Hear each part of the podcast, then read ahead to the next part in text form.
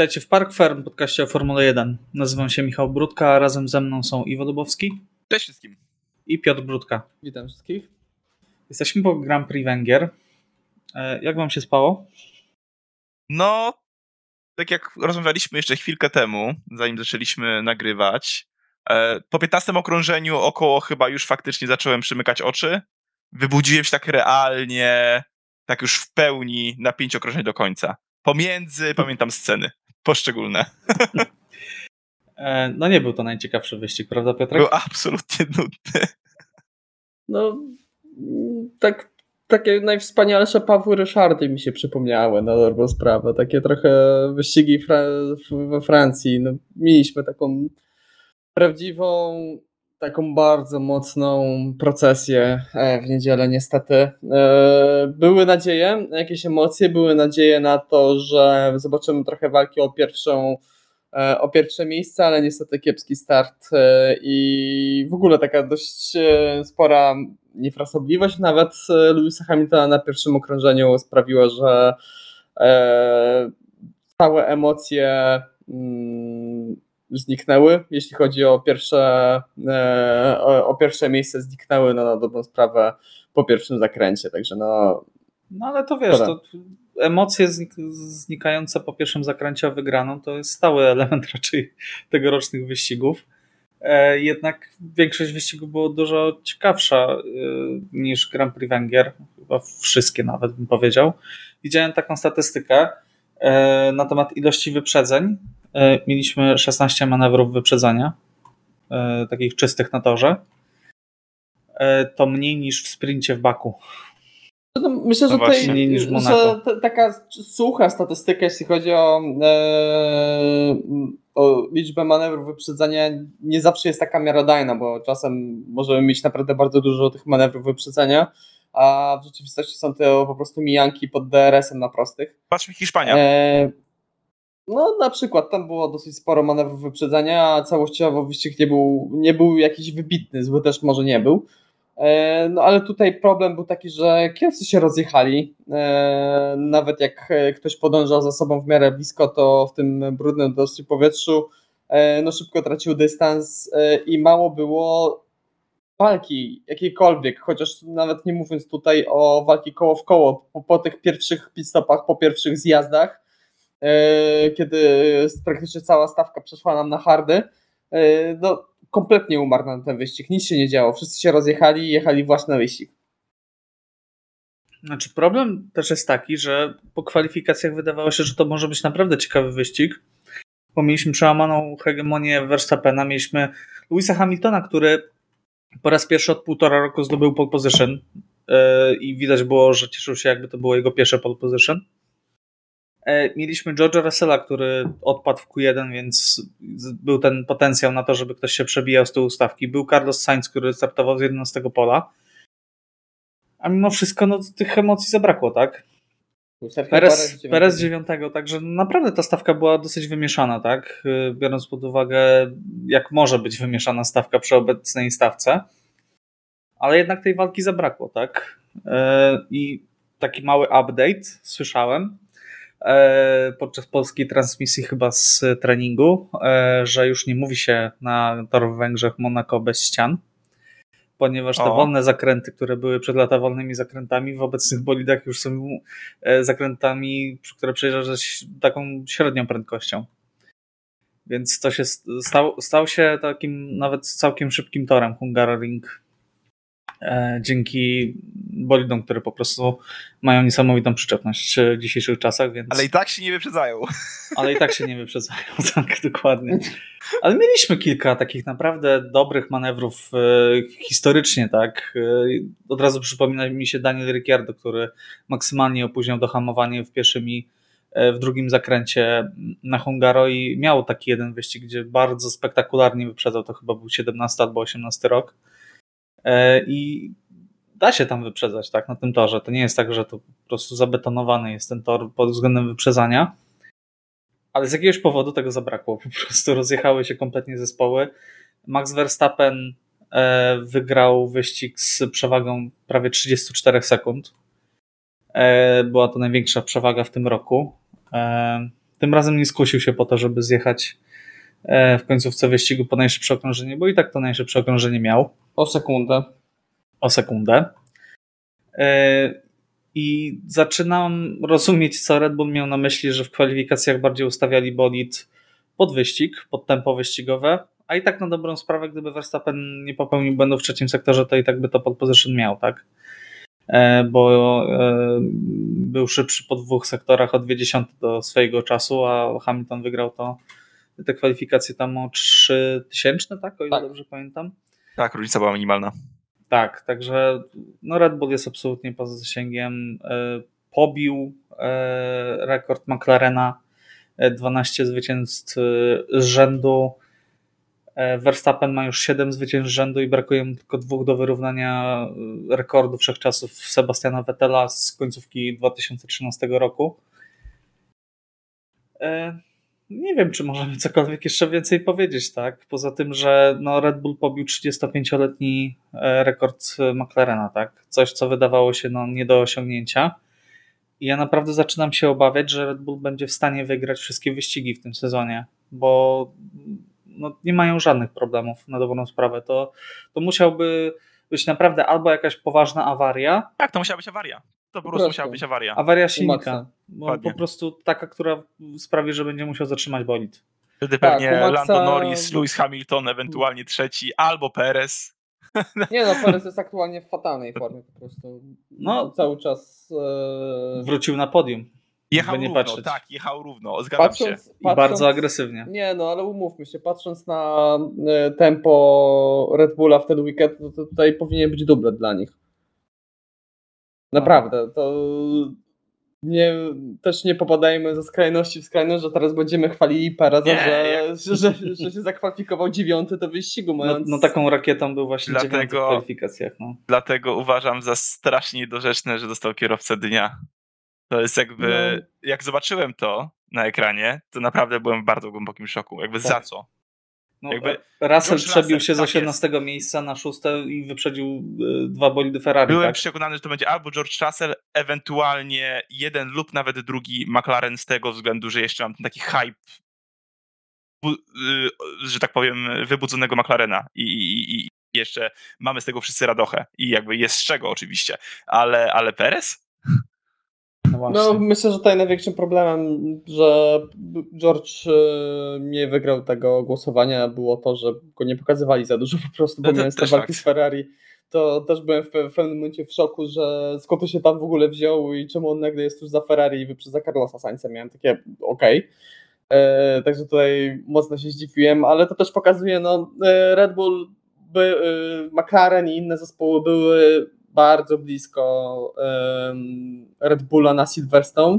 Mogliśmy mieć e, wtedy trochę nadzieję, że się reszta zbliża, że powoli się zbliżyła, że to już nie jest, nie wiem, ptak w kanale hamulcowym, tylko naprawdę rzeczywiście tempem i kwalifikacyjnym i wyścigowym tutaj e, ktoś podjeżdża do Red Bulla. E, to Red Bull na Hungaroring przywiózł pięć poprawek e, przywiózł poprawki do samochodu, z, z, miał zmienione sidepody. E, sidepody, miał zmienioną e, pokrywę silnika, miał poprawione przednie tylne skrzydło, miał poprawioną również podłogę, także tutaj pełen pakiet poprawek wjechał.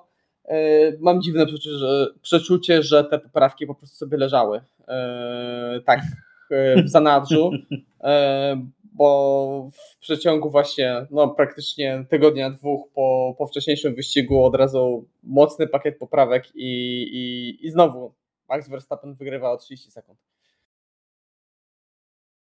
No tak, e, ale za to McLaren potwierdził świetną formę. Tak, myślę, że e, oni sami są, e, są mocno zaskoczeni, bo w temacie poprawek oni nic nie przewieźli, mimo że też mają coś w zanadrzu bo nie byli w 100% pewni, jak te poprawki będą działały, czy na tej specyfikacji toru e, one będą, czy ten bolid będzie również tak szybki i też chcieli w 100% zrozumieć e, te dane i te, te poprawki, które przywieźli na Silverstone. E, także myślę, że tutaj naprawdę McLaren nam teraz aktualnie tak to wygląda, że stał się drugą siłą w Formule 1. Znaczy oni niby nie przywieźli, oficjalnie w tym raporcie FIA było, że nie przywieźli nic nowego, Mhm. Natomiast oni mieli nowe skrzydło, którego w Wielkiej Brytanii nie wykorzystali, bo nie byli pewni. A, okej. Okay. I wiesz, to skrzydło zostało zgłoszone w Wielkiej Brytanii, więc już nie jest nową częścią, ale dopiero w tym wyścigu z niego skorzystali. Także coś nowego w bolidzie mieli. E, natomiast no nie da się ukryć, że obawiali się tego weekendu. Mówili, że nie będzie tak różowo, e, że spodziewają się dużo gorszego weekendu, a Lando Norris pierwszy raz w karierze e, zdobywa podium w drugim wyścigu rzędu. I jest tak z tym zachwycony, że demoluje bardzo drogą nagrodę Maxowi Verstappenowi. No musieliśmy o tym powiedzieć. Tak, a to było naj, najciekawsze, co mogliśmy wynieść z tego wyścigu na dobrą tak sprawę. Jest. Ja tutaj widzę sporo winy Maxa. Jakby dobrze wiemy, że nie powinny się naczyń ustawiać przy krawędzi stołu, jakby pudła. Także mm. sam sobie może być winien. No to jest y, narracja Lando. Y, Christian Horner powiedział, że wystawi rachun, powinien wystawić rachunek, y, bo to jest, okazało się, że to jest bardzo droga jakaś porcelana, której zrobienie trwa pół roku i koszt takiego wazonu to jest 60 tysięcy euro. Także no, gruba sprawa. A pucharu, jak... Michał, pucharu. Okej. Okay. Pucharu, powiedzmy. Natomiast no, nagrodę za wygranie Monaco też nazwiesz pucharem? Dobrze już. A te, te, tego goryla z Francji też? To jest puchar, tak. Nazwę to, nazwę to pucharem. Nazwę to pucharem. Trofeum. To myślę, tak, trofeum, trofeum jest, trofeum. tak. Trofeum dzban. E... Mi się podoba, naprawdę. Uważam, tak, bardzo, tak. Bardzo nie, ja jestem, ja jestem ale o Perezie już nie rozmawiamy, spokojnie. e, tak, piękny dzban, natomiast y, no, Lando też przegiął. No. Mógł, na, mógł na swoim stopniu podium odpalać tego szampana, gdzie, gdzie przecież... Tak, ta, y, on chyba w jednym z, z którychś z poprzednich razów na podium chyba rozbił w ogóle te, tak? tego szampana, tak? Tak jest. No, ręką uszkodził. Tak, zero nauki kompletnie. Wyciągania Ale wniosków. wyobraźcie sobie, jaka byłaby afera, gdyby to zrobił Lewis Hamilton. O matko. Myślę, żeby nie było tak przyjaznej i wesołej no, Faktura by poszła do Mercedesa na pewno. e, tak, ale to, to, to, dużo mówi o wyścigu, że poświęcamy więcej czasu na, na temat yy, dzbana nagrody, e, trofeum, e, niż, niż na sam wyścig. Czy chcielibyście coś jeszcze dodać w tym temacie? Bo troszkę, troszkę zgubiłem, e, zgubiłem wątek. Czy chcemy jeszcze coś powiedzieć na temat McLarena? Mi osobiście szkoda Oskara Piestriego. Bardzo, bardzo szkoda. Kurczę, tak świetnie wystartował. E, wykorzystał, znaczy Lando też świetnie wystartował, tylko w złym kierunku poszedł, tak? Poszedł na zewnętrzną. E, Max no, jednak trochę wywiózł Louisa Hamiltona, do czego miał oczywiście prawo, bo tam miejsca było bardzo dużo. E, poza tym pobocze też jest wyasfaltowane, e, ale Piastri miałem wrażenie, że w pewnym momencie wydawało się, że nawet może prowadzić po tym pierwszym zakręcie. Tak, pojechał bardzo z głową i jakby szalenie rozsądnie zajmując wewnętrzną w takiej sytuacji. E, plus bardzo fajnie widzieć jakby tego kierowcę, gdzie mamy jakby drugi wyścig pod rząd, gdzie nie odstaje od Lando Norrisa. Naprawdę, mhm. tak, naprawdę kiedy, nie odstaje. Kiedy ma e, w pełni sprawny bolid, bo później w drugiej części wyścigu Oscar nam mocno tutaj e, odpadł, jeśli chodzi o tempo, ale tak jak to było tłumaczone przez, e, przez zespół, to miał uszkodzenie podłogi najprawdopodobniej.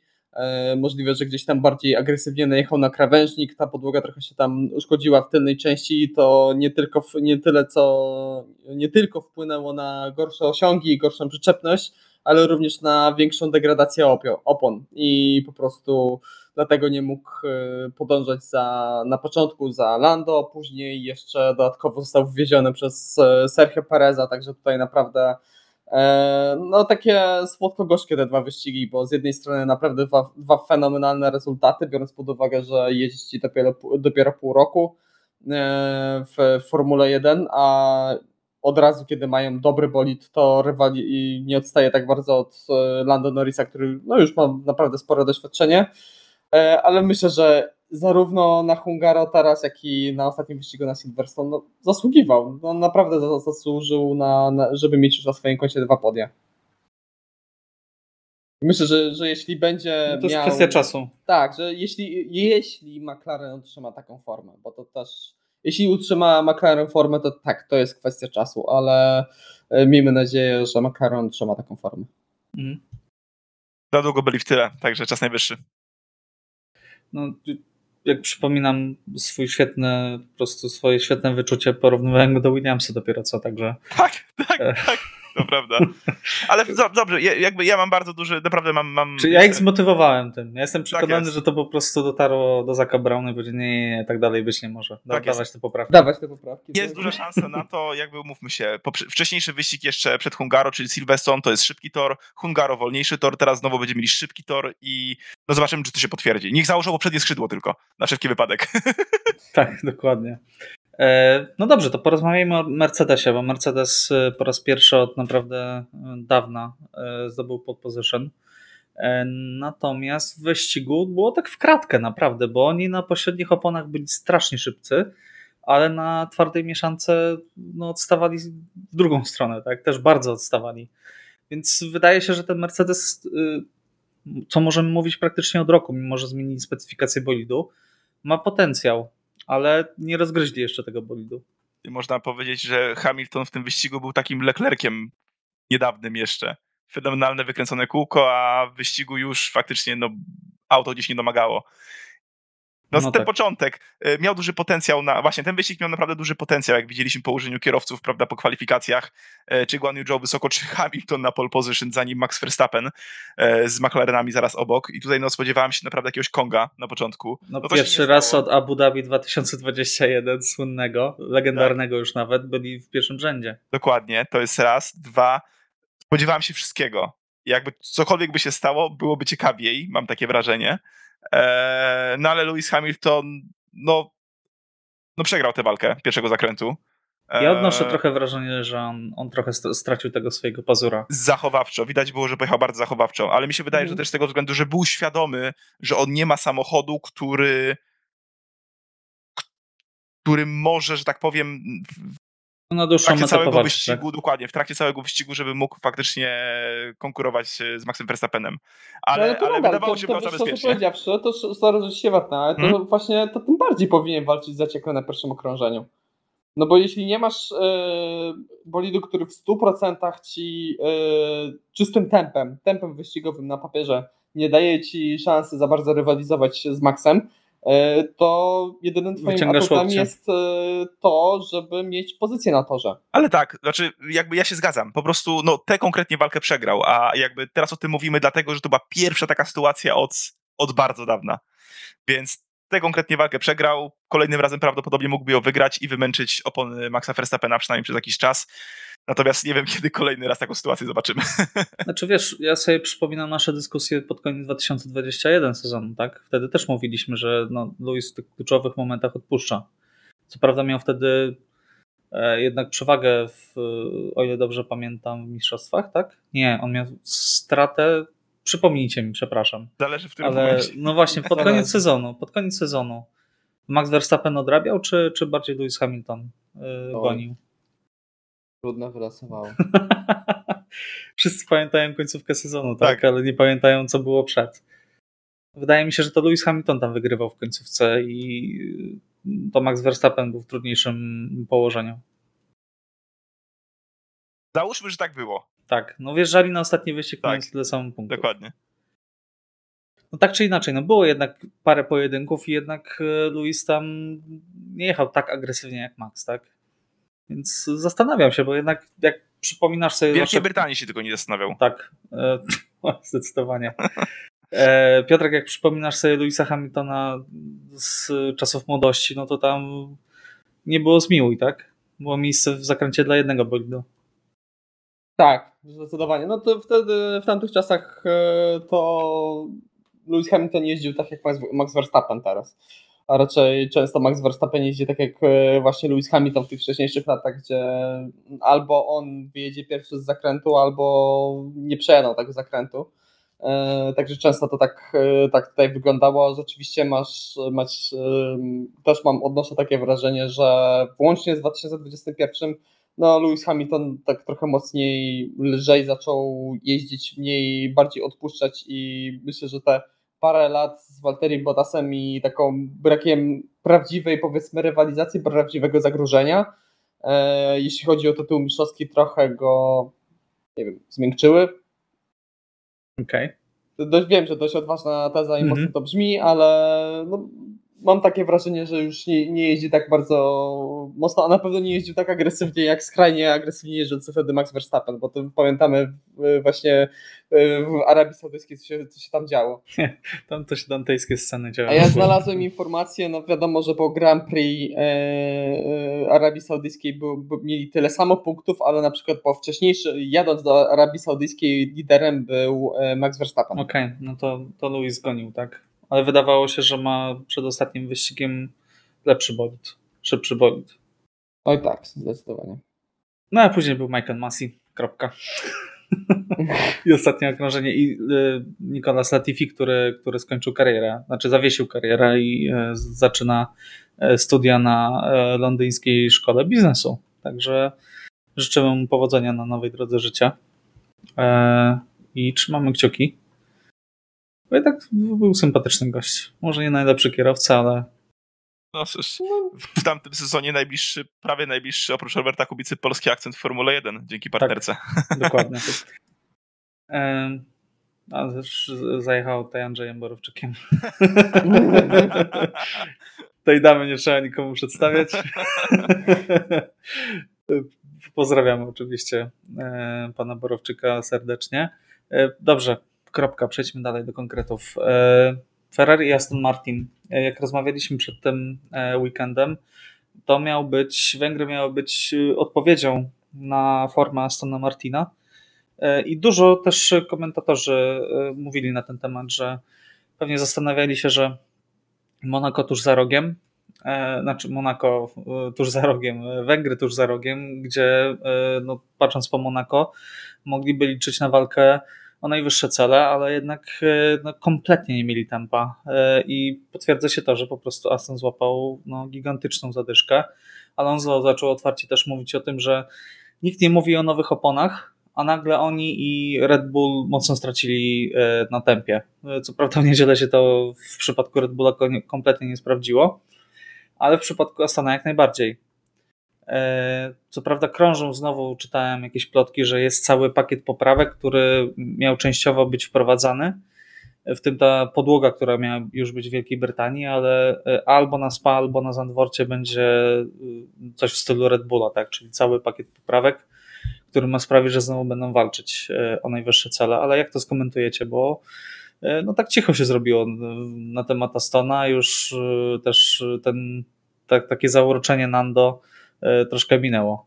Tak, no tutaj widać, że no, ciężko stwierdzić bezpośrednio dlaczego, ale, ale no, przespali troszeczkę ten moment, który wykorzystał i Mercedes, e, i McLaren.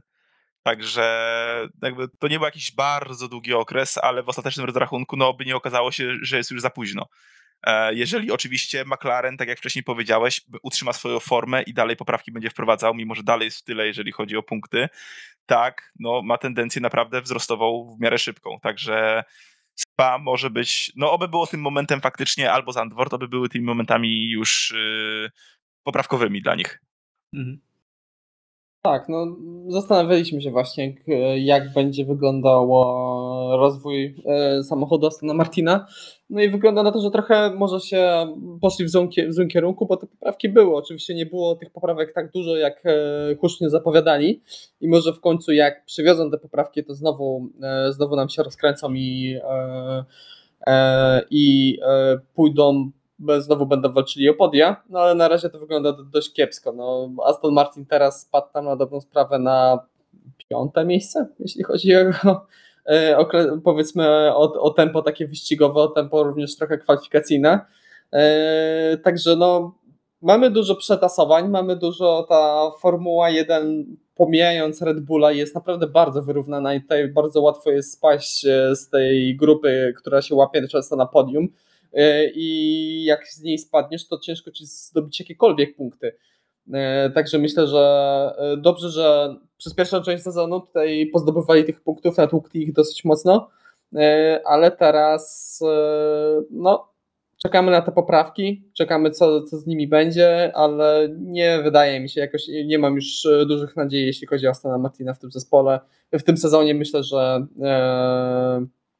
że trochę tutaj to poszło w tym kierunku. Jeśli chodzi o ten e, sezon, to już nie za bardzo, nie widzę za bardzo tego, żeby wrócili do tej formy z początku roku. Tym bardziej może ich boleć e, dyspozycja Lance Strolla, bo tam w tym drugim samochodzie było dużo strat punktowych i tam Aston powinien mieć naprawdę o wiele więcej, e, większą zdobycz. No tak. No, ale, czy jest, ale, ale realnie, czy wyobrażać sobie realnie, w ciągu paru najbliższych lat szansy na to, że Lance straci swoje miejsce pracy? Jak, tak. jak zmieni się właściciel? No. Myślę, że e, w trakcie tego mariażu z Hondą, e, gdzie wejdzie okay, no, producent silnikowy, Honda jest dużym graczem, będą dostawcą silnika e, dla nich i myślę, że mogą, by, mogą mieć tam trochę do powiedzenia w tym, w tym temacie. Plus myślę, że no nie wiem, nie wiem, ja cały czas jestem, mam mieszane Czyli uczucia już... co do motywacji Lansa Strolla. Już Patrzyłem, były... czy im juniorem jest e, Iwasa, ale jest Red Bullowym, a i... Tak, ale, ale słyszałem już pierwsze plotki o Tsunodzie. Tak, że może Tsunoda też. pójść z Hondą e, właśnie do Astona. No bo e, Yuki jest e, juniorem Hondy właśnie. Nie tyle co Red Bullowym, co bardziej mm. Hondy. A chciałbym go no zobaczyć no jest teraz w szybszym samochodzie, tak? faktycznie. Mhm. Jest sprawdzonym kierowcą, może boję się znowu go chwalić, bo po ostatnim chwaleniu się Austria, tak. nie poszło najlepiej. E, lecz jest, jest to w jakiś sposób już doświadczony kierowca, no już trochę jeździ, tak? Także Bywa chaotyczny, tego, ale widać progres. Do tego 2025 roku jeszcze mamy trochę czasu, półtora roku, tak? E, I być może będzie to jakieś wyjście z sytuacji, tak? No, nie wiem, czy Alonso będzie jeszcze wtedy jeździć, bo to też jest otwarta kwestia, tak? No, Nando już jest po 40. Wiecznie jeździć nie będzie. E, więc może będzie mieć skład e, Tsunoda e, Stroll. To, to, to, by było ciekawe zestawienie. Ojej. Nie no, myślę, że Aston jest zbyt ambitnym zespołem, żeby pozwolić na taki line-up. Miejmy nadzieję. Miejmy nadzieję. to przejdźmy do Ferrari. Ferrari taki weekend standardowy dla nich, prawda?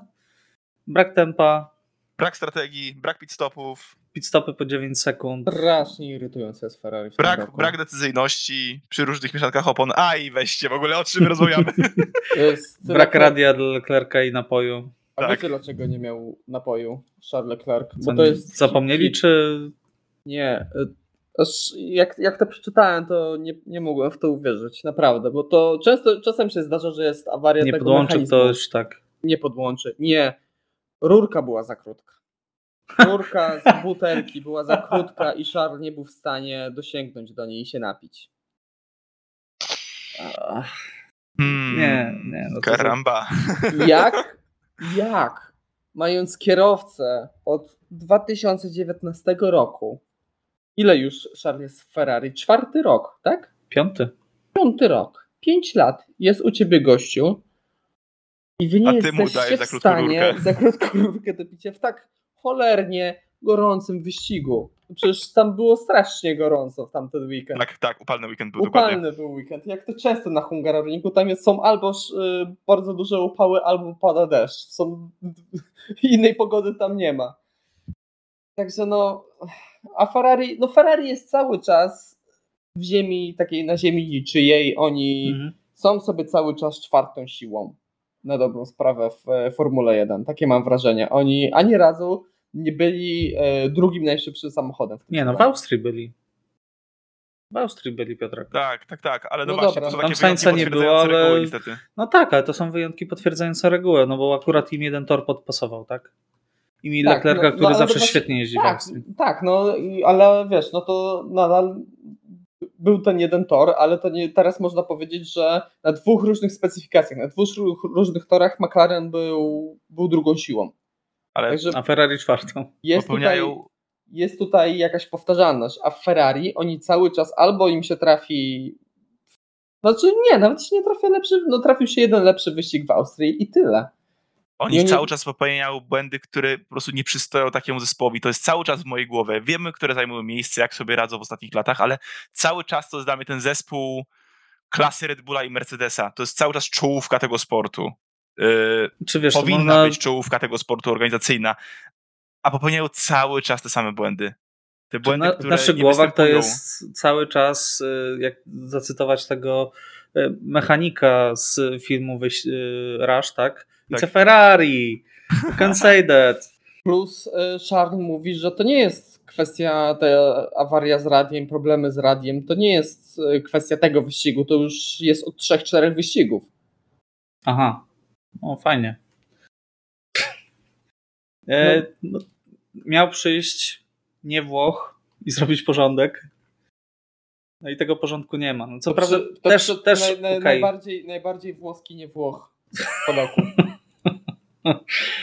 E, no tak, to, to Fred Wasser sprawia wrażenie takiego sympatycznego gościa po prostu, plus, się troszkę. Tak, plus e, wydaje mi się, że też mieliśmy ostatnio ten trochę eksodus ludzi z Ferrari, sporo osób tam odeszło znaczy, w tym czasie. Też nie rozpędzajmy się, bo jednak y, nie chciałbym też oceniać szefa zespołu już tak zero-jedynkowo po tak, tak, tak połowie tak, ja, sezonu, tak, bo mhm. nie oszukujmy się, pracami na ten rok zarządzał głównie jeszcze Mattia Binotto no tak, tak. To jest ten sezon, w którym mieli walczyć o tytuł mistrzowski, a nie wcześniejszy.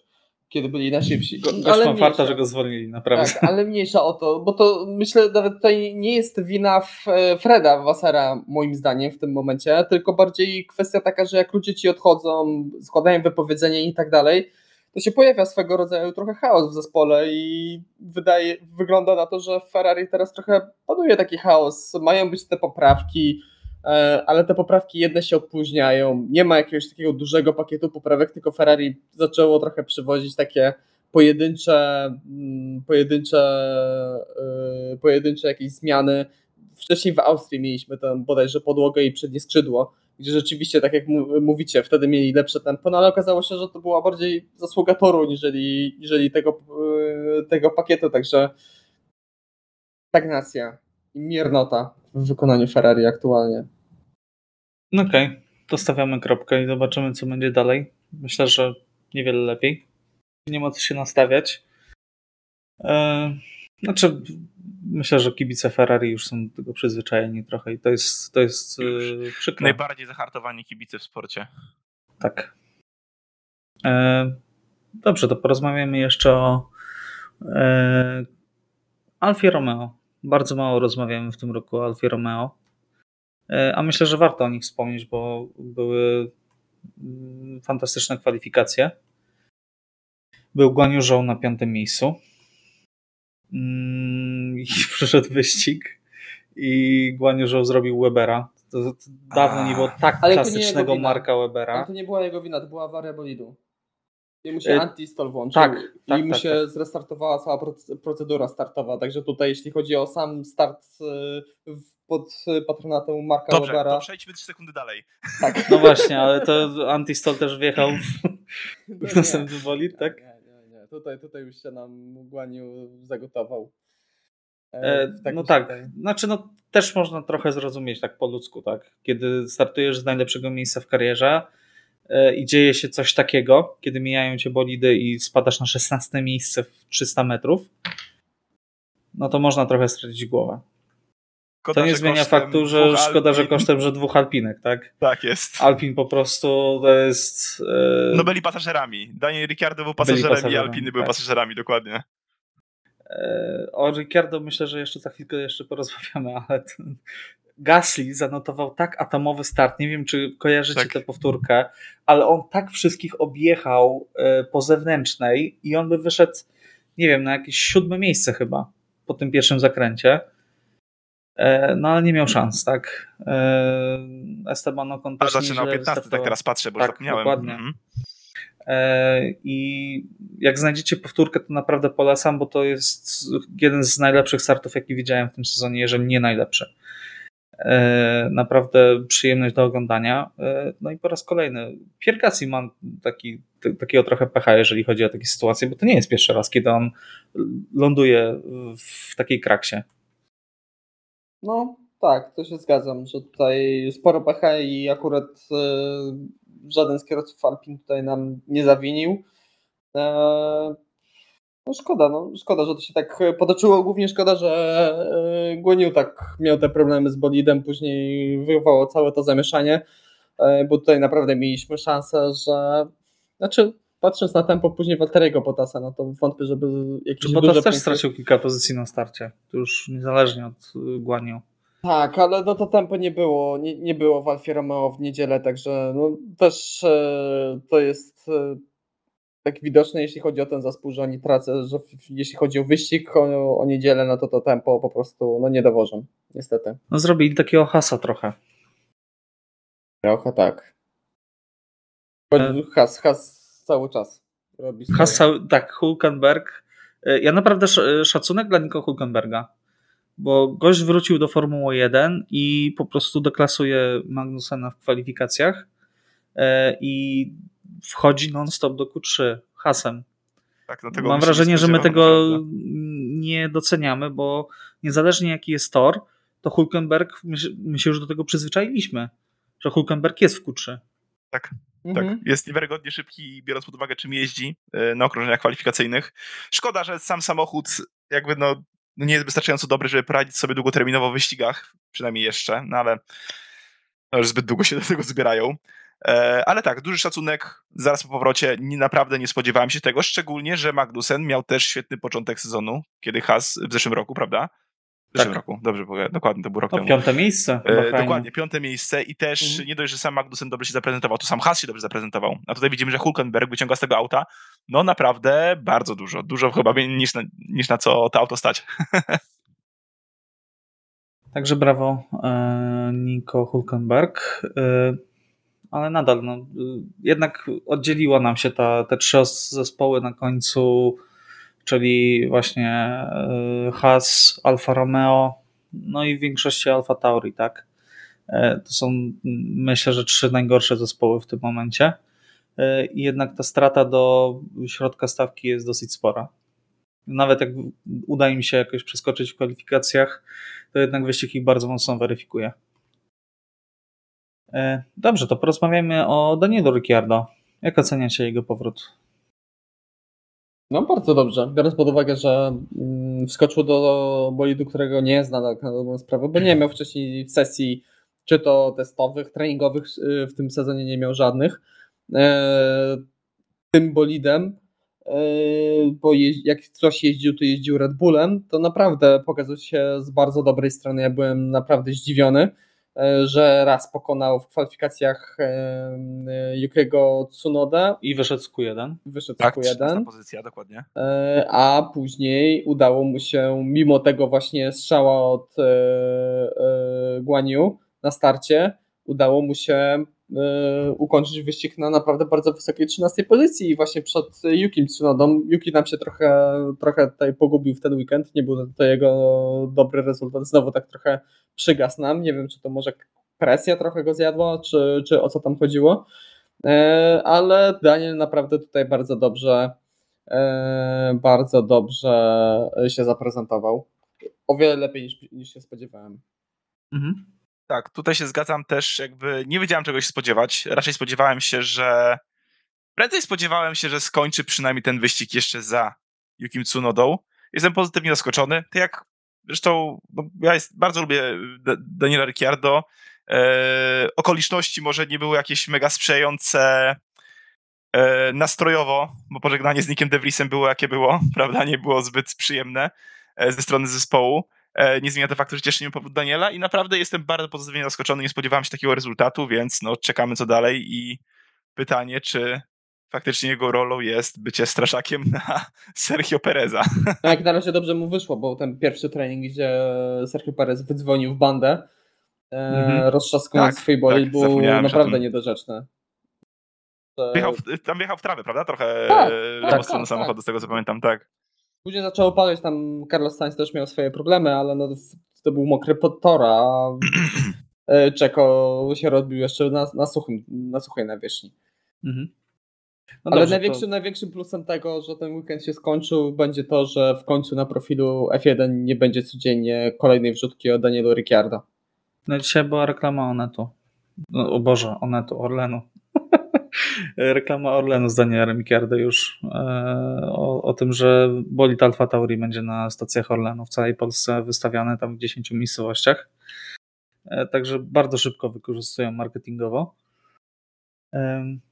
Dobrze, to chciałbym jeszcze Was o jedną rzecz zapytać, bo w sumie tak pominęliśmy tę kwestię, a mieliśmy nowy format kwalifikacji. W sensie oponowym, tak? Mhm. Mieliśmy konieczność wybrania mieszanek. W Q1 mieliśmy opony twarde, w Q2 pośrednie i w Q3 opony miękkie. Mieliśmy mniej tych zestawów opon, przez co kierowcy narzekali, że tych zestawów jest za mało. E, jak, e, jak to skomentujecie w ogóle? Jak Wam się to spodobało? Czy, czy Waszym zdaniem ten format ma jakiś potencjał? Powiem tak, ja nie byłem zwolennikiem takiego rozwiązania, ponieważ zdecydowanie wolę jak przez wszystkie. E, tak samo kiedyś nie lubiłem, jak opony z Q2 przychodziły na wyścig. Dla mnie to była strasznie absurdalna decyzja. E, ale bo zawsze lubiłem, jak kierowcy jeżdżą po prostu kwalifikacje na najszybszych okrążeniach. Dla mnie to jest jakby jedyny sens kwalifikacji, jakby to jest clue całych kwalifikacji. E, nie zmienia to faktu, że mi się e, podobała mi się ta sesja i teraz nie wiem, czy było to spowodowane faktycznie tymi mieszankami, e, przez które mieliśmy takie roszady, jakie właśnie widzieliśmy na torze, czy było to spowodowane faktycznie poprawkami w niektórych zespołach. Więc póki co mi się podobało, ale to no nie są, moim zdaniem nie jest to kierunek, w, którym, w, w którego stronę powinniśmy iść. Znaczy, kierowcy mówili, że tych mieszanek jest za mało, ale nie odczuliśmy tego dlatego, że w pierwszym treningu padało i mało kto jeździł. No tak, tak, tak, mhm. to też jest. A mieliśmy po cztery zestawy każdej, każdego rodzaju opon, a jednak, e, no, jakby nie patrzeć, to tych opon twardych zazwyczaj mieliśmy po dwie mieszanki, tak, po dwa zestawy, e, a na przykład miękkich mieliśmy po osiem zestawów a teraz ukrócono do czterech i jednak te zespoły mocno, mocno musiały oszczędzać. Tak, no ciekawy jestem, bo same klasyfikacje wydawały się dość interesujące. Ja byłem bardzo ciekawy tego, w szczególności Q1, jak to będzie wyglądało na twardej oponie, jak będzie wyglądało e, dogrzewanie tej, e, tej opony. Z drugiej strony myślę, że to też e, było o tyle Mm, nie miało aż takiego wielkiego wpływu, bo w tym roku na Hungaroring były bardziej miękkie e, zestawy tych mieszanek, czyli tegoroczne harde były zeszłorocznymi e, pośrednimi oponami, także może to też miało trochę lepszy wpływ. No, żeby dać jakiś jednoznaczny osąd, e, jaki to miało wpływ i co, czy rzeczywiście ten format się sprawdza, to myślę, że jest trochę za wcześnie, za mała próbka testowa i trzeba tutaj, ja bym, ja bym na pewno jeszcze, jeszcze zobaczył taki format, bo no, mhm. jestem zainteresowany, myślę, że to nie wyszło źle, na pewno. Tak, ja też byłem sceptyczny mocno, jak zwykle do nowych rzeczy w Formule 1. E, jednak e, no było to intrygujące i chciałbym zobaczyć na większej próbie, tak? Większej ilości sesji, czy, czy ma to sens, czy to był to taki pojedynczy. Opon, czy to dokładnie, czy to był pojedynczy, pojedynczy po prostu wyskok, czy, czy się to potwierdzi, że ten e, format jest po prostu interesujący i zmusza, zmusza zespoły do większego główkowania, tak? Jeżeli chodzi o dostrojenie bolidu do do każdej mieszanki, bo nie ukrywajmy, że e, no, większość zespołów e, często lewała kompletnie w sesjach treningowych te twarde opony, ewentualnie je trochę sprawdzała w jednej sesji treningowej i dopiero pojawiały się ewentualnie w wyścigu, tak, jeżeli były naprawdę dobre. No dobrze, to chyba będziemy zamykać powoli dyskusję na temat Grand Prix Węgier. Chcielibyście coś, coś jeszcze dodać? Myślę, że szybko zapomnimy o tym wyścigu, szczerze mówiąc. tak. No zwłaszcza, że Belgia w ten weekend. Dokładnie. O ile się odbędzie. Nie no, proszę. Piotrek, przestań. Mrzawka, Naprawdę, jak się nie odbędzie, to będzie twoja wina. Dokładnie. Mrzawka będzie jak już. Będą zmienne warunki. Będzie trochę tak. Y, słońca, trochę, trochę deszczu. Będzie ciekawie. Będzie ciekawie, tak. Oby było ciekawie i oby było bezpiecznie przede wszystkim, bo wiadomo, tak. że ostatnio na spanie jest to regułą. E Dobrze, to porozmawiamy jeszcze o plotkach i ploteczkach, bo to też jest bardzo, bardzo ciekawe. Silly Season się jeszcze tak mocno nie zaczął. Mieliśmy mocne otwarcie z Danielem Ricciardo, natomiast jeszcze tak dużych plotek transferowych nie ma. Natomiast pojawiły się plotki, które bardzo podsycają emocje. E, plotki o wykroczeniach budżetowych, jako że zbliżamy się do tego momentu sezonu, kiedy e, FIA w końcu podliczyła, podlicza wszystkie wydatki zespołu z poprzedniego roku. E, I krążą plotki, że znowu mieliśmy zespoły, które wykroczyły te zobowiązania budżetowe. Mówi się o tym, że wykroczył Aston, Mercedes i Red Bull, co by było oczywiście wielką kontrowersją E, gdyby się okazało, że Aston i Red Bull po raz drugi, drugi rok rzędu przekraczają te, e, przekraczają te e, ograniczenia budżetowe. Bo już oczywiście wiemy, jak było to komentowane w zeszłym roku, że wygrali mistrzostwo dla, dlatego, bo przekraczali budżet. Piotrek, jak byś to skomentował z Twojej strony, bo, bo jestem, jestem ciekaw Twojego zdania bardzo.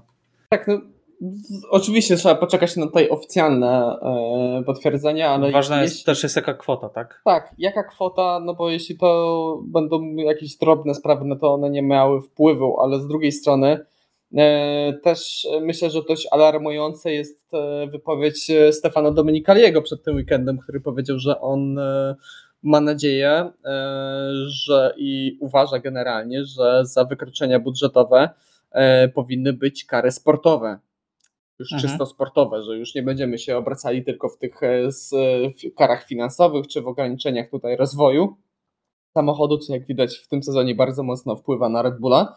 E, tylko będziemy tutaj już myśleli o karach e, sportowych, tylko że no właśnie, to nie jest e, kwestia, myślę, że wie, wiele osób tro, trochę umyka ten fakt, że my cały czas rozmawiamy o sezonie 2022 Y, o wykroczeniach budżetowych z tamtego sezonu, także w razie czego te wykroczenia budżetowe i te kary sportowe, nie wiem, y, w domyśle może jakieś punkty karne czy cokolwiek, by wpływały na klasyfikację generalną w zeszłym sezonie i szczerze powiedziawszy, nie do końca, tak jak zgadzam się w 100%, że kary powinny być yy, powinny być surowe, bo można odwinąć to, co mówiłem rok temu, to powiem to, to, to, jeszcze raz, że jeśli nie będzie zdecydowanych kar, zdecydowanych tutaj potępiania tego i mocnych, dotkliwych kar ze strony FIA, e, to zespoły będą z tym wyjeżdżały, po prostu, bo przekalkulują, że bardziej im się opłaca zapłacić trochę, e, trochę kasy, e,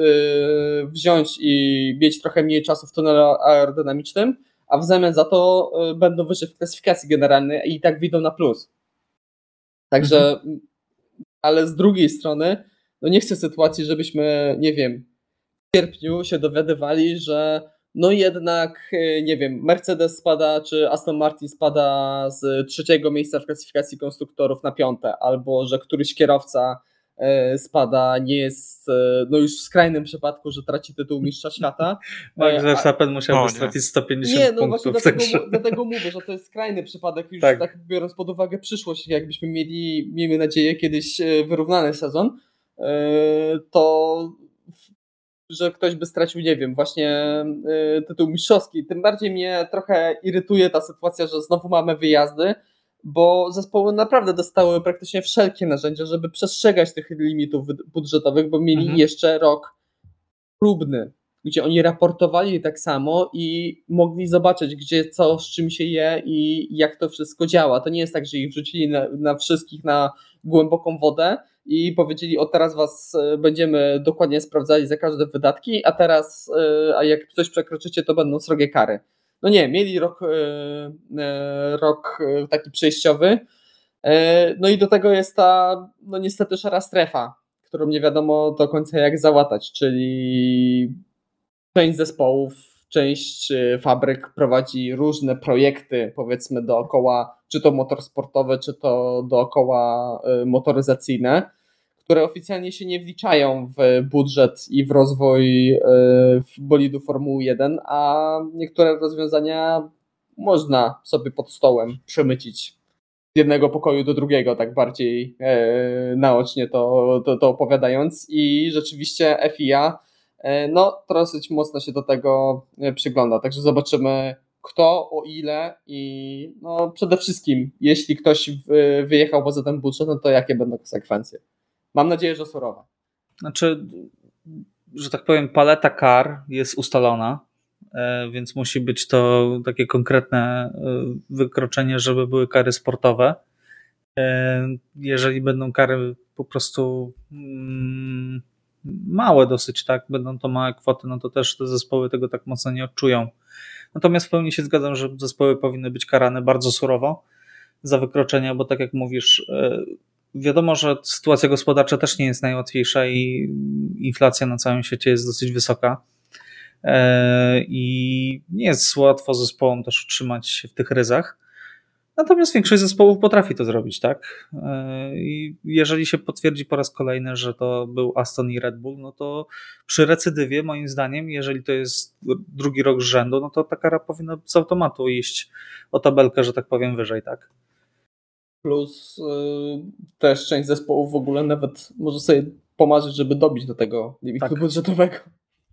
No już są rozmowy o tym, żeby na przykład infrastrukturę traktować łagodnie, jeżeli chodzi o wydatki budżetowe.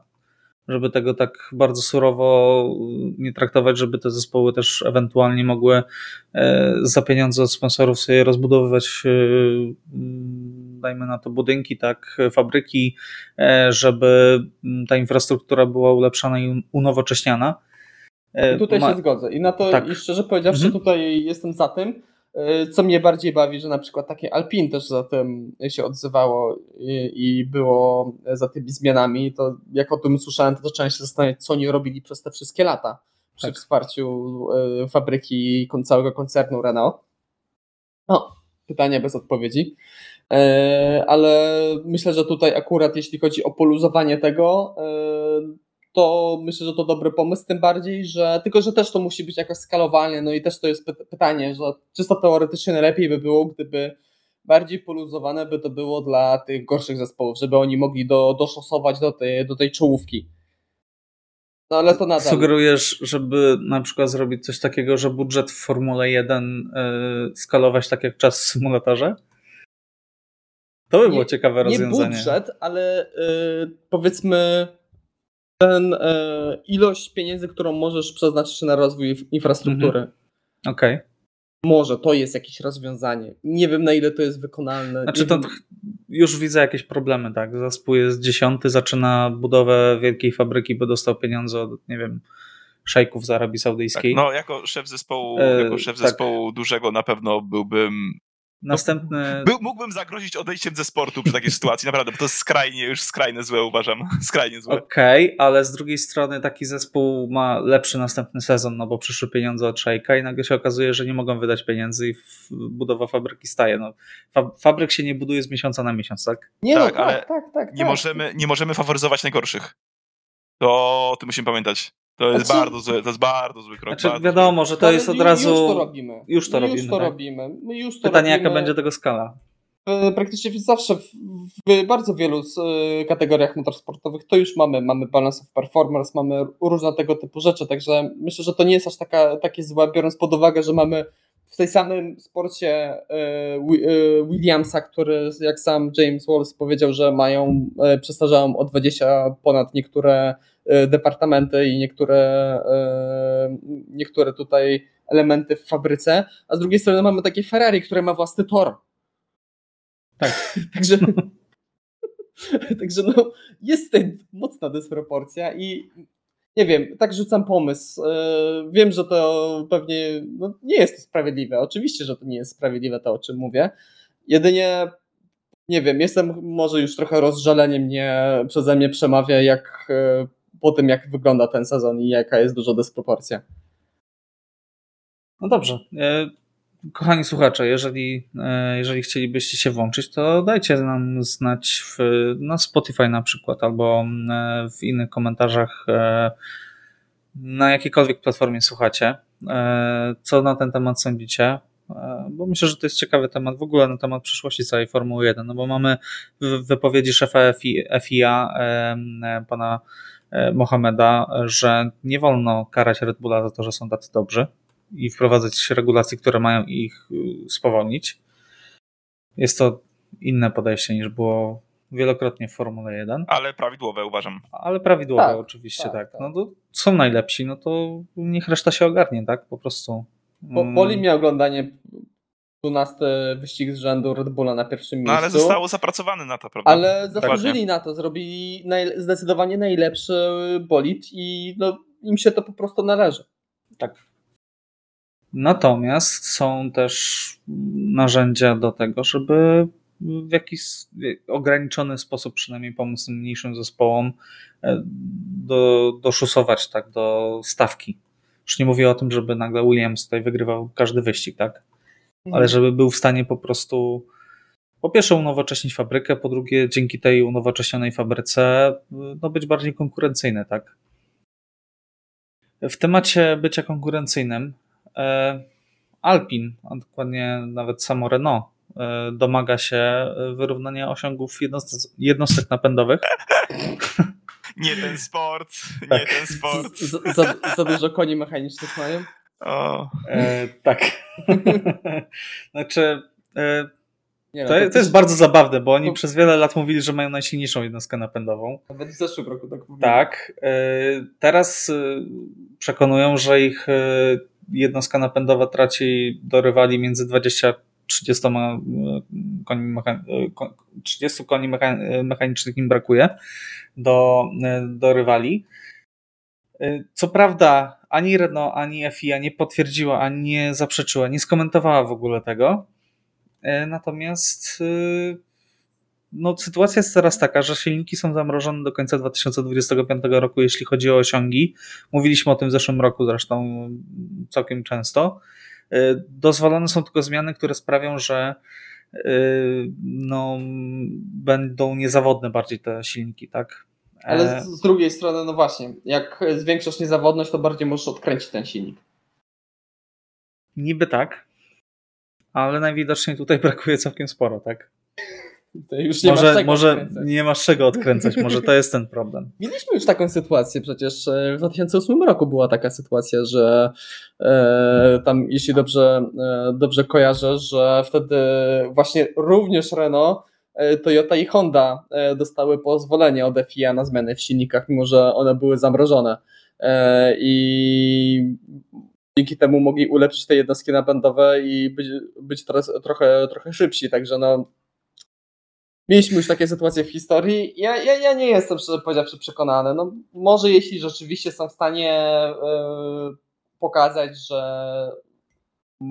brakuje im tych 20-30 koni do reszty, ale wiecie, kto poparł ten pomysł? Christian Horner. Horner. Tak, też mnie to szokowało. Który przecież wiadomo, że nie rozstawał się z Renault w najlepszych relacjach. Tam była, była dosyć ostra, że tak powiem, drama. E, ale powiedział, że y, jeżeli rzeczywiście jest taki y, deficyt już przy samej homologacji silnika, to powinno FIA dokładnie sprawdzić, jakie są różnice e, i ewentualnie przychylić się do tej prośby. Co, Ale co z drugiej prostu... strony Christian ostatnio też mówił o tych silnikach i myślę, że tutaj tak. odkręcenie i Aha. pozwolenie... coś za coś, tak? E, My wam że... teraz odkręcimy, ale wy opóźnicie zmiany na 2026, tak? A bardziej e, teraz e, trochę poluźnimy prace rozwojowe, jeśli chodzi o silnikę i będziemy w stanie coś więcej zrobić w sprawie naszego silnika pod, na przyszłość. Że nie wiem, zobaczymy. Jestem ciekawy, jak, jak, jak to wyjdzie. E, a z drugiej strony, no, Christian Horner miał taką dużą kosę z Cyrilem i z Loronem Rossi, a jednego i drugiego nie ma. W szczególności drugiego został zwolniony Loron Rossi. Sugeruję, że też z Schaffnauerem są dużo lepsze relacje i to może wpływać na to, jak postrzega teraz Alpin? Myślę, że na, pe na pewno ma tam jakiś ukryty cel. To, to, to jest Christian Horner. Nie, no to jest Christian Horner, to jest Formuła 1, tak? Dokładnie. Tutaj nie, nie ma nic za darmo, tak? Tak, to no dobrze. ciekawy co. No myślę, że się przekonamy prędzej czy później. Albo dowiemy się za kilkanaście lat, tak? No, też są takie historie w Formule 1. No dobrze, e, słuchajcie, e, myślę, że wystarczy tych plotek, ploteczek. E, chciałbym, żebyśmy porozmawiali teraz o najbliższym weekendzie, o Grand Prix Belgii. Mm, w tym roku nie będzie nas na, bezpośrednio na torze.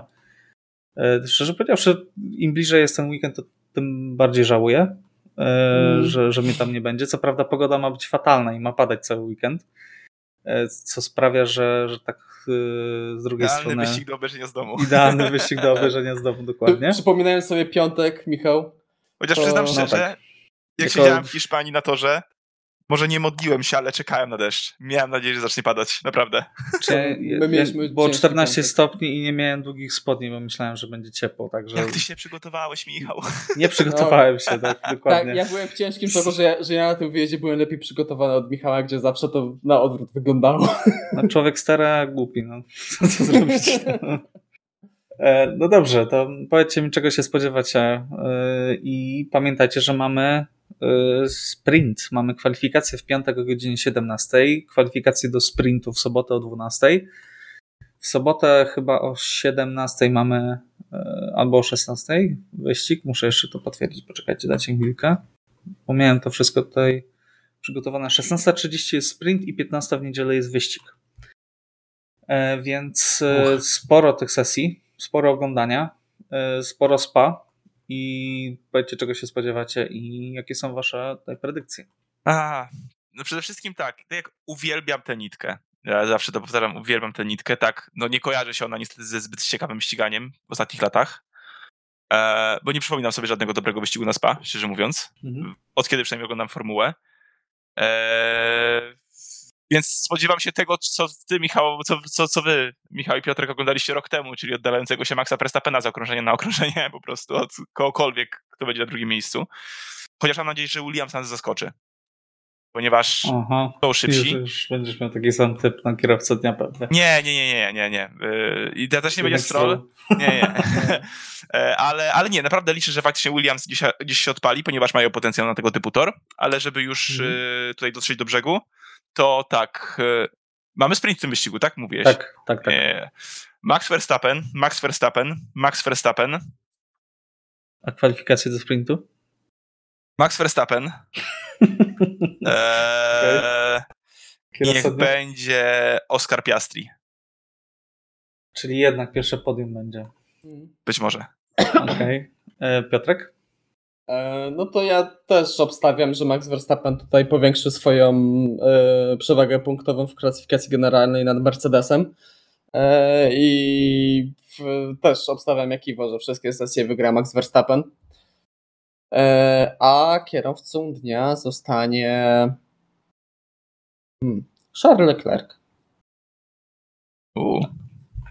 Podzieje się podzieje się. To nie, nie chodzi tutaj o tempo, bo Ferrari nie będzie miało tempa, ale coś się zadzieje. Znaczy, Awaria? I... Kierowca dnia zazwyczaj nie, nie dostaje tytułu kierowca, który ląduje w bandzie. No, Aż tak. Szal ma takie ciągoty, że tak powiem. No ja wiem, ale nie tym razem. Będzie dobrze. Mattia Binotto mówiący tuż przed tym, jak powie, że można wygrać następnych 10 wyścigów. Co może pójść tak. tak. Dokładnie. Ja stawiam tak też Verstappena we wszystkich sesjach, no bo jednak tutaj trzeba zbierać punkty w typerze. E, natomiast kierowcą nie zostanie Alex Albon, bo bardzo wierzę w Williamsa w ten weekend. Uważam, uwaga, rzucam dalsze predykcje. Uważam, że Aston Martin może nie wejść w ogóle do Q3, e, a w Q3 y, na pewno będzie Alex Albon. Ale, ale klątwę rzuciłem po prostu taką teraz, że tak. Jest, jestem, jestem w ten weekend jestem absolutnie za Williamsem. Trzymam za nich kciuki i nie mogę się doczekać. Jak Alex Albon podzieli los Roberta Kubicy w kwalifikacjach, to padnę. Że będzie awaria płonący nie, Williams. Przestań. Ja, ja tak już szukałem y, pamięcią. Tak. W 2010 roku to były świetne kwalifikacje tak. przecież Kubicy, tak? On był chyba trzeci tam. Nie, ja cały czas to, tą przeróbkę, że zostaw niech się jara mam przed oczami. Oj tak. Tak, ten sezon był fatalny, ale jednak polski internet jest na tyle wspaniały, że nawet z takich fatalnych yy, wieści sportowych potrafi zrobić fantastyczne memy. Obserwujemy to teraz z kadrą piłkarzy i z PZPN-em. Oj tak, gdzie każda, tak, gdzie każda kolejna afera po prostu produkuje niesamowicie dużą ilość fantastycznych memów. I to samo się działo z Robertem Kubicą w 2019 roku. Natomiast już kończąc i wracając, chciałbym poruszyć jeszcze jeden temat. Tymek Kucharczyk, młody polski kierowca, jeżdżący teraz w GB3 Championship w Wielkiej Brytanii w serii wyścigowej, potrzebuje środków na dokończenie sezonu, mimo tego, że sponsoruje go Orlen. Pomijam już tutaj te kwestie. Potrzebuje dokładnie 270 tysięcy złotych, żeby dokończyć sezon, w którym idzie mu naprawdę nieźle. Więc w opisie tego odcinka zostawimy link do zbiórki. Myślę, że trzeba wspierać no, młode talenty w polskim motorsporcie. E, i taki może mały symboliczny wkład z naszej strony e, tutaj się pojawi. E, jeżeli możecie, oczywiście, to zachęcamy, tak. To jest naprawdę utalentowany kierowca i myślę, że przyda się takie wsparcie dla polskiego motorsportu. Tak, to jest wielka szkoda w ogóle, że Tomek Kucharczyk tak wcześnie, mm, biorąc pod uwagę, że to jego w ogóle drugi sezon w, w single seaterach po kartingu, i to jest jego drugi sezon. Naprawdę też świetny, bo wcześniej mieliśmy tą e, hiszpańską Formułę 4, gdzie przez większość sezonu się bił o, e, o tytuł mistrzowski, koniec końców skończył na trzecim miejscu. Tutaj jako debiutant e, w średnim zespole, jakby nie można powiedzieć nawet kiepskim zespole, który mocno mu napsuł wyników na Silverstone, jest piąty w klasyfikacji generalnej, także naprawdę wielki talent. Myślę, że to jest jedna E, z większych e, obok e, Kacpra Sztuki, no to są dwa największe talenty zdecydowanie w polskim motorsporcie, jakie teraz mamy i no nie pamiętam takiej szansy, żebyśmy mieli dwóch kierowców na tak, takiego formatu, jak się zapowiada zarówno Tymek, jak i Kacper, także tutaj jeśli możecie, naprawdę trzeba wspierać, bo skoro sponsorzy nie są w stanie dowieść, no to może, może kibice będą w stanie jakoś wesprzeć, a myślę, że może nie tyle będziemy w stanie tutaj jako kibice e, zasponsorować powiedzmy drugą połowę sezonu Tymkowi, ale mam, ja mam taką przynajmniej nadzieję, że zrobi się o tym głośno i mhm. ktoś ze sponsorów po prostu e, to podłapie i po prostu wesprze Tymka, bo zasługuje na to. No, chłopak ma 16 lat, a jeździ fantastycznie, a już no, taki ciężki rozkaz spotyka. E, dokładnie, także zebrano już 51 tysięcy złotych, także zbiórka wystartowała chyba wczoraj albo przedwczoraj. Wczoraj wieczorem. E, wczoraj wieczorem, także jest to całkiem niezły wynik. E, myślę, że no jak ktoś może, no to, to zachęcamy, tak. Natomiast wspomniałeś o Kasprze sztuce. E, myślę, że to też jest warte odnotowania, bo to też bardzo rzadko się zdarza. Kacper wygrał wszystkie trzy wyścigi na Paul Ricard w Formule F4 E, I gratulacje. No myślę, że tutaj możemy tylko pogratulować. Tak, szkoda, że e, troszkę początek sezonu mu nie wyszedł, bo no, jednak szans na mistrzostwo za bardzo nie ma, tak? No ale tam jest szansa nawet na drugie miejsce. Jak mhm. będzie utrzymał tam formę, na początku było trochę błędów, trochę dużo problemów z bolidem, awarii. Który, dużo, dużo awarii, awarii miał. E, także też pechowo to wyglądało na początku u Kacpra. No, niech przyjdą sponsorzy. Oni naprawdę zasługują na F3 minimum, żeby, żeby się pojawić w Formule 3.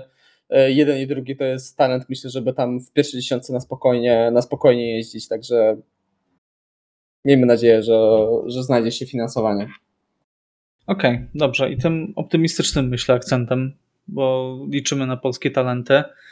E, kończymy. Dziękujemy Wam bardzo za, za uwagę, za e, dotrwanie do tego momentu.